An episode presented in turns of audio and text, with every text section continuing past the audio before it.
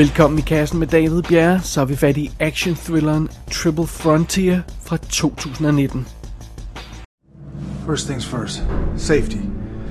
There is no medevac, there is no ground support. And the injuries we sustain, we're walking out with. Be mindful each of you has a medical kit in your bag. Number two, you cannot go back to your normal life after tonight. Make no mistake about it. What we are about to do is criminal. We do not have the flag on our shoulders, and no amount of bullshit that we tell ourselves is going to change that. If we do our job right, we will be committing one murder and one armed robbery. You guys need to own the fact that you are desecrating most of the oaths you ever took. Third, family. If they don't go to church or if they come home early, it's an abort, full stop. They are not who we came for. And lastly, it's not too late to go home. We had an agreement with Pope, and we fulfilled that. Any man here that wants to walk away now can do so knowing they're the best of us. But it's got to be now. Kernen i Triple Frontier er egentlig ret simpel.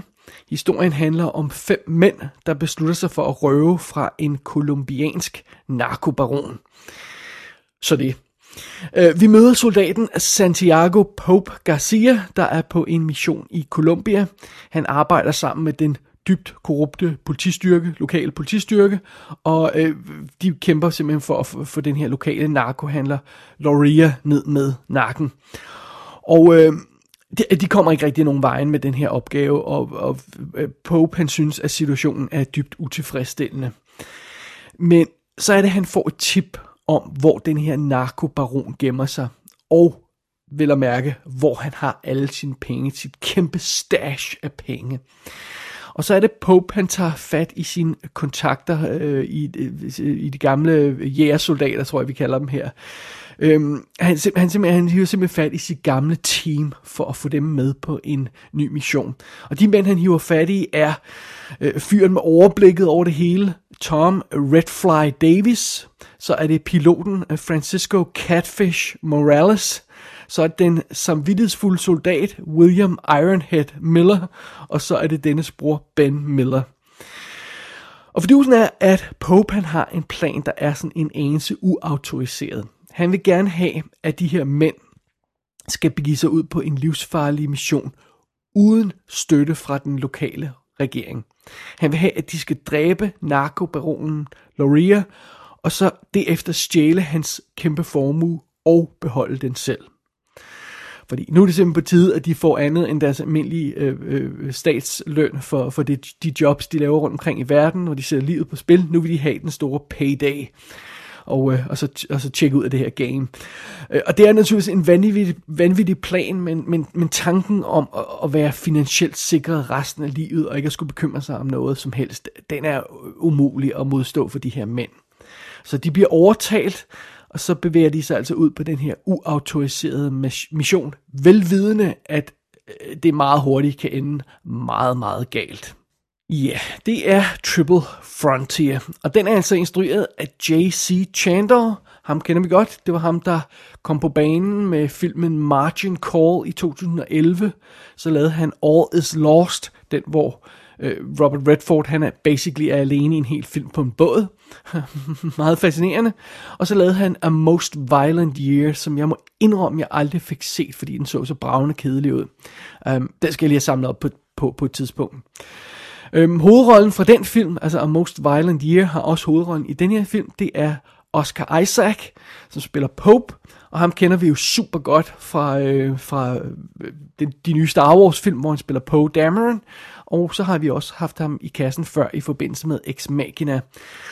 Um, han, er en, han er en god dude, ham kan vi godt lide. Det er Ben Affleck, der spiller Tom Redfly Davis, og øh, ham elsker vi jo også. Han er jo den bedste Batman efter Michael Keaton. Han var fantastisk i Justice League, og øh, vi har haft ham i kassen her et par gange med større og mindre succes. Han var med i og instrueret øh, Live by Night, og så var han med i The Accountant, som var super fed. Så det, det er Charlie Hunnam, der spiller Ironhead, William Ironhead Miller, og han har jo været med i en lang række af fuldstændig forglemmelige og ligegyldige ting. Han var øh, med i den her tv-serie Sons of Anarchy, som jeg simpelthen hver gang jeg ser et klip fra den, så mister jeg øh, lysten til at leve livet, fordi den ser så bravende kedelig ud. Øh, han var øh, med i øh, Crimson Peak, som vi jo har snakket om her i kassen. Han var med i øh, øh, King Arthur, Legend of the Sword, som der var ingen, der så. Hvorfor skulle man det? Og han var med i remaket af Papillon, som der heller ikke var nogen, der så, fordi hvorfor i verden skulle man det? Så Charlie Hunnam er ikke sådan en, en, øh, et sikkert kort i min bog. Det, det, det tror jeg nok, jeg vil indrømme. Som Ben Miller, der altså er den foregående karakters bror, der har vi Garrett Hedlund, og ham husker vi nok bedst fra Tron Legacy.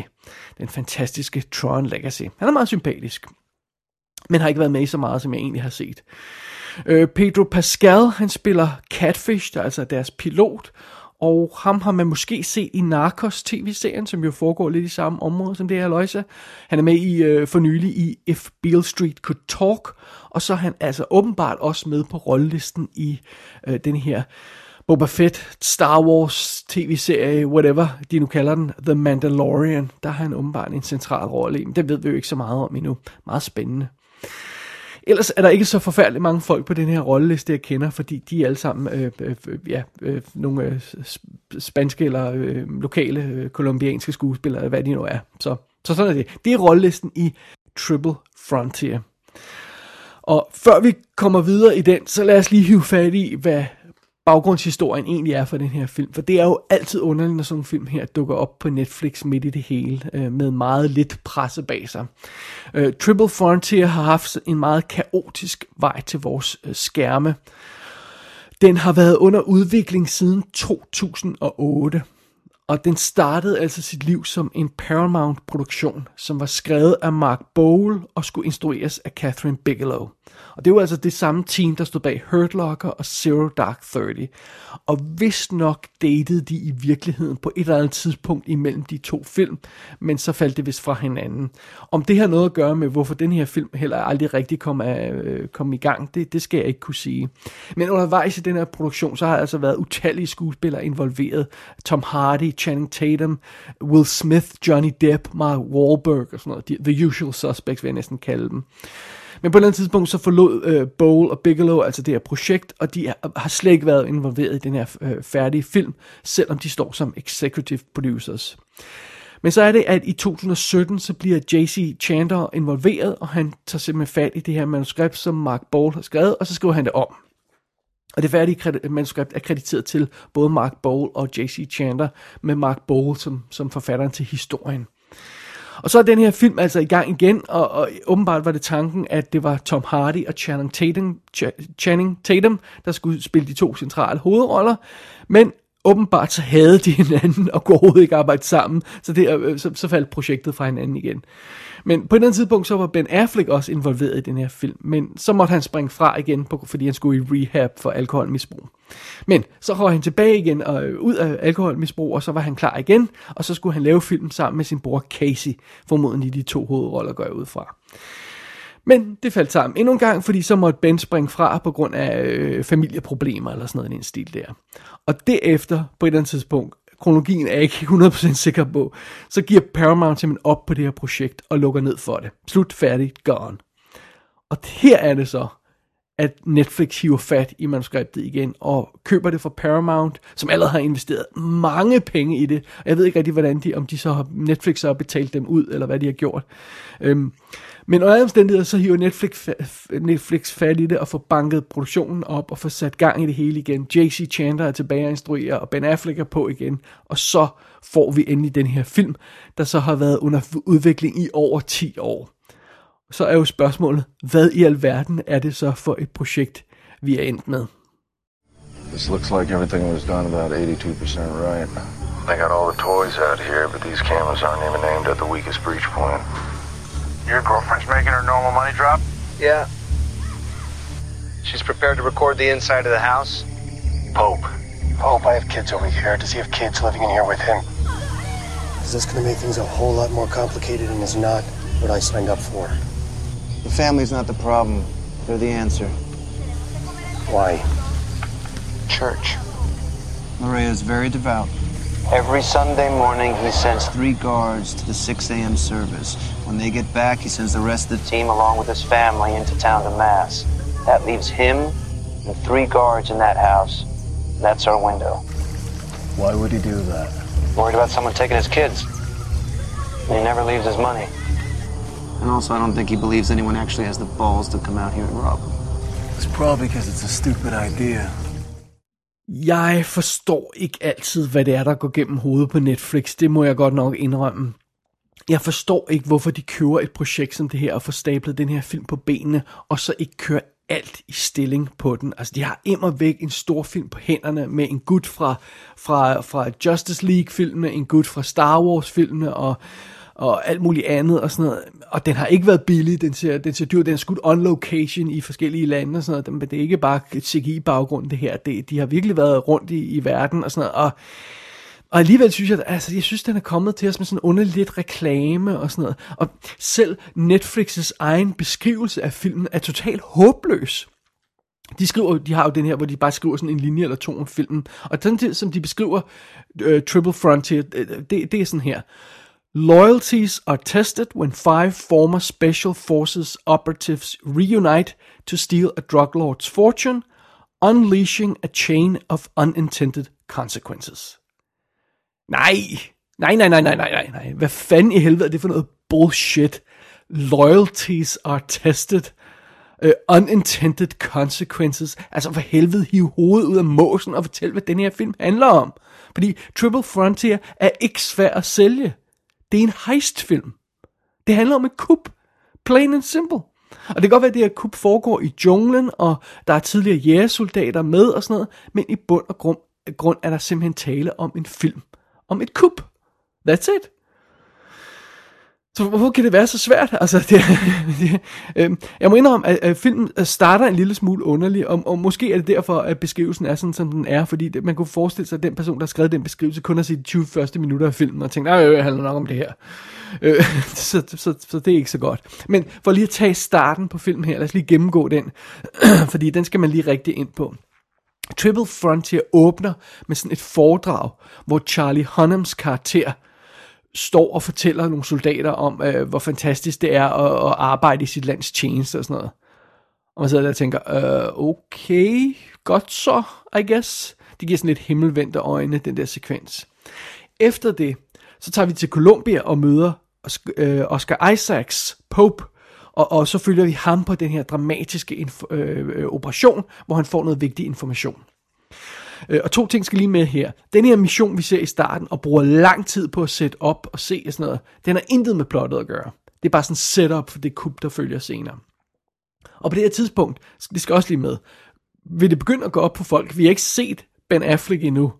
Og han er jo imod væk i center øh, på plakaten og sådan noget, og i, i materialet til filmen og sådan noget, trailer og sådan noget.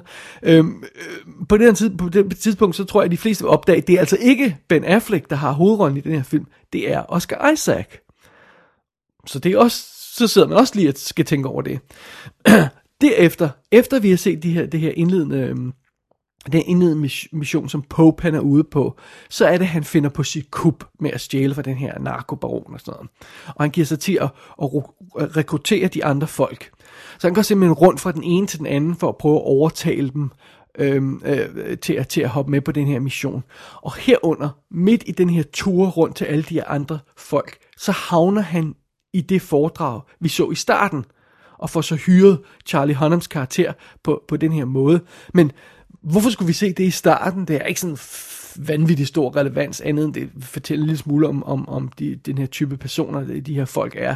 Men det er sådan lidt underligt, fordi hvorfor skulle vi se en bikarakter til at starte med, der står og snakker direkte til os og sådan noget, og hvorfor skal det sådan fortalt i omvendt rækkefølge, sådan, så det er essentielt at flash forward, og så. det er vildt dårligt. Og, og, og det skal også lige med, at Charlie Hunnams karakter er totalt ligegyldig, han er bare en supporting character, øh, det kunne være hvem som helst, der har stået der og forklaret det der. Øhm, så nå, efter alt det der, så siger alle de her folk selvfølgelig ja til den her mission, og gruppen tager afsted mod Columbia. Og det, når de tager afsted mod den mission der, så tror jeg, at vi sådan rammer den første halve time af filmen her, som spiller lige knap to timer. Det er filmens første halve time. Det er det her, det her virvar af, af, af ting. Og det er en, en, en lidt besynderlig start, og jeg må indrømme, det virker ikke helt. Det gør det altså ikke. Det er meget underligt det her med, at vi, vi, vi essentielt starter med flash forward til noget, der er ligegyldigt. Altså, det virker ikke. Men efter det punkt, så begynder filmen rent faktisk at falde i hak.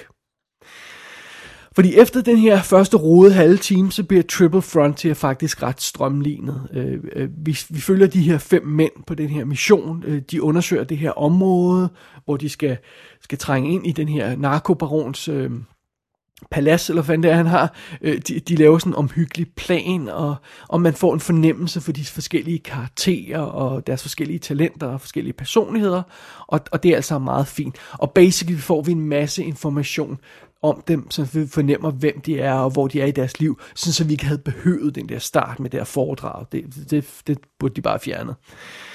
Anyway, så går, så går kuppet sådan rigtig i gang. Og det, det rigtige kub, det starter altså sådan cirka 45 øhm, øh, minutter ind i filmen. Og derefter så følger vi, øh, hvad der efterfølgende sker. Og uden at afsløre for meget, så, så, så involverer det en desperat flugt. Øh, Øh, og sidste halvdel af filmen er simpelthen den her desperate flugt gennem junglen og gennem fjendland og alt det her løjse. Og hvor de må kæmpe mod barske natur, og de er jaget af, af vrede narkohandler og alt det her løjse.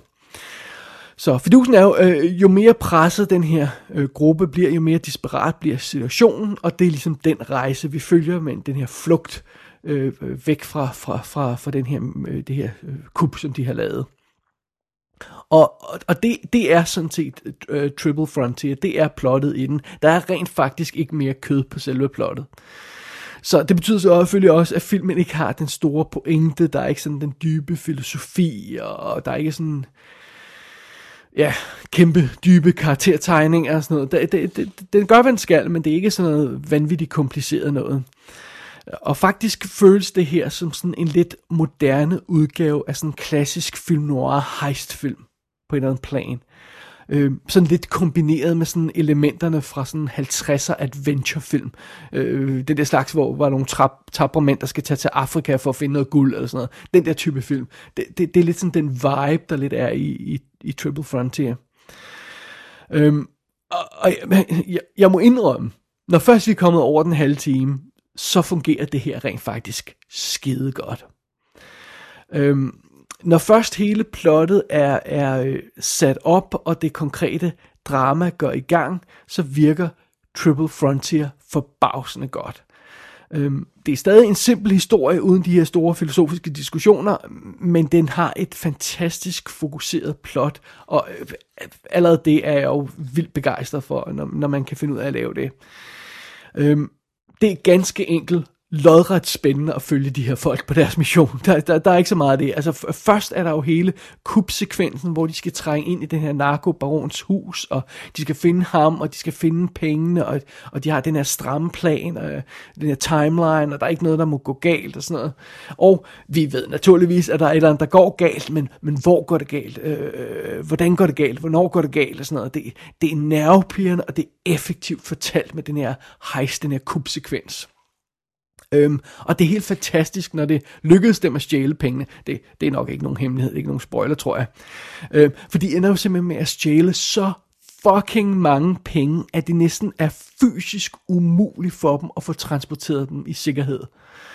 Øh, det, det, det er lidt fascinerende.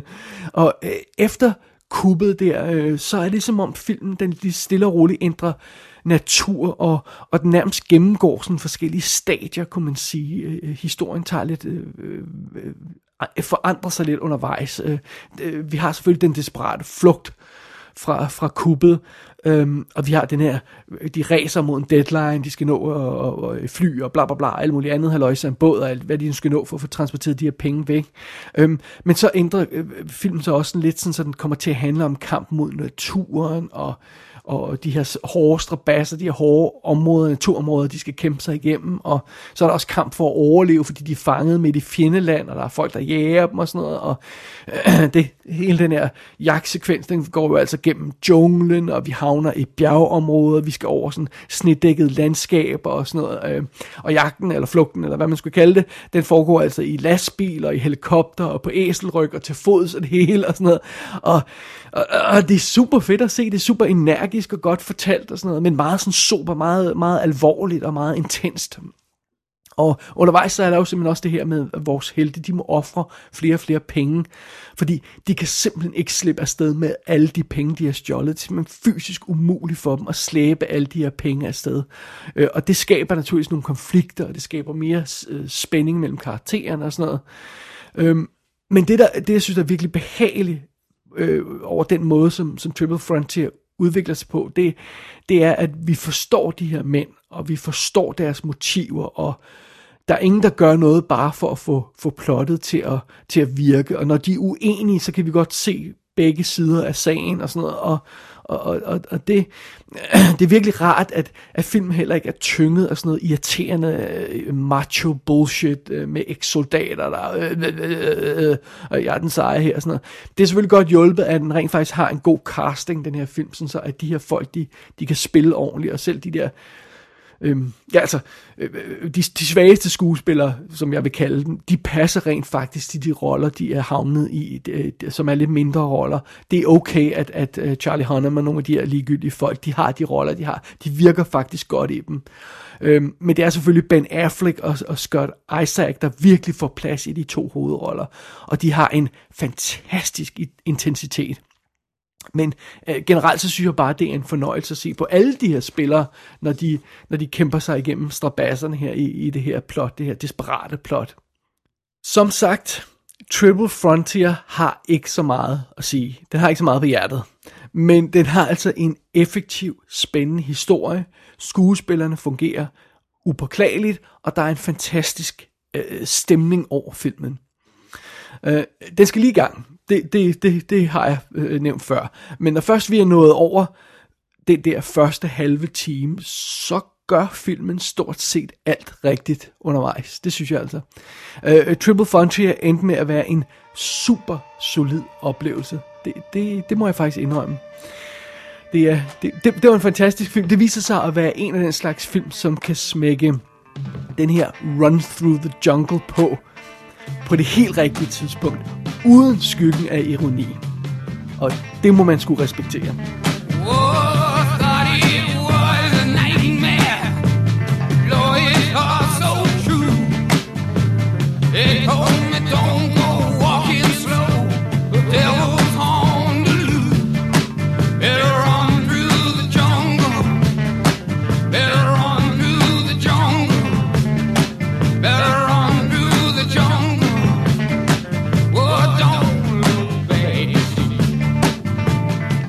Triple Frontier kan ses på Netflix. Jeg håber godt nok, det er en af den slags Netflix-film, der kommer i Tyskland, for den kunne jeg rigtig godt tænke mig at stående på hylden, den her film. Hvis den kommer på fysisk medie, så skal man lige være ops på, at der er en del spansk dialog i filmen, så det skal selvfølgelig være undertekstet på engelsk.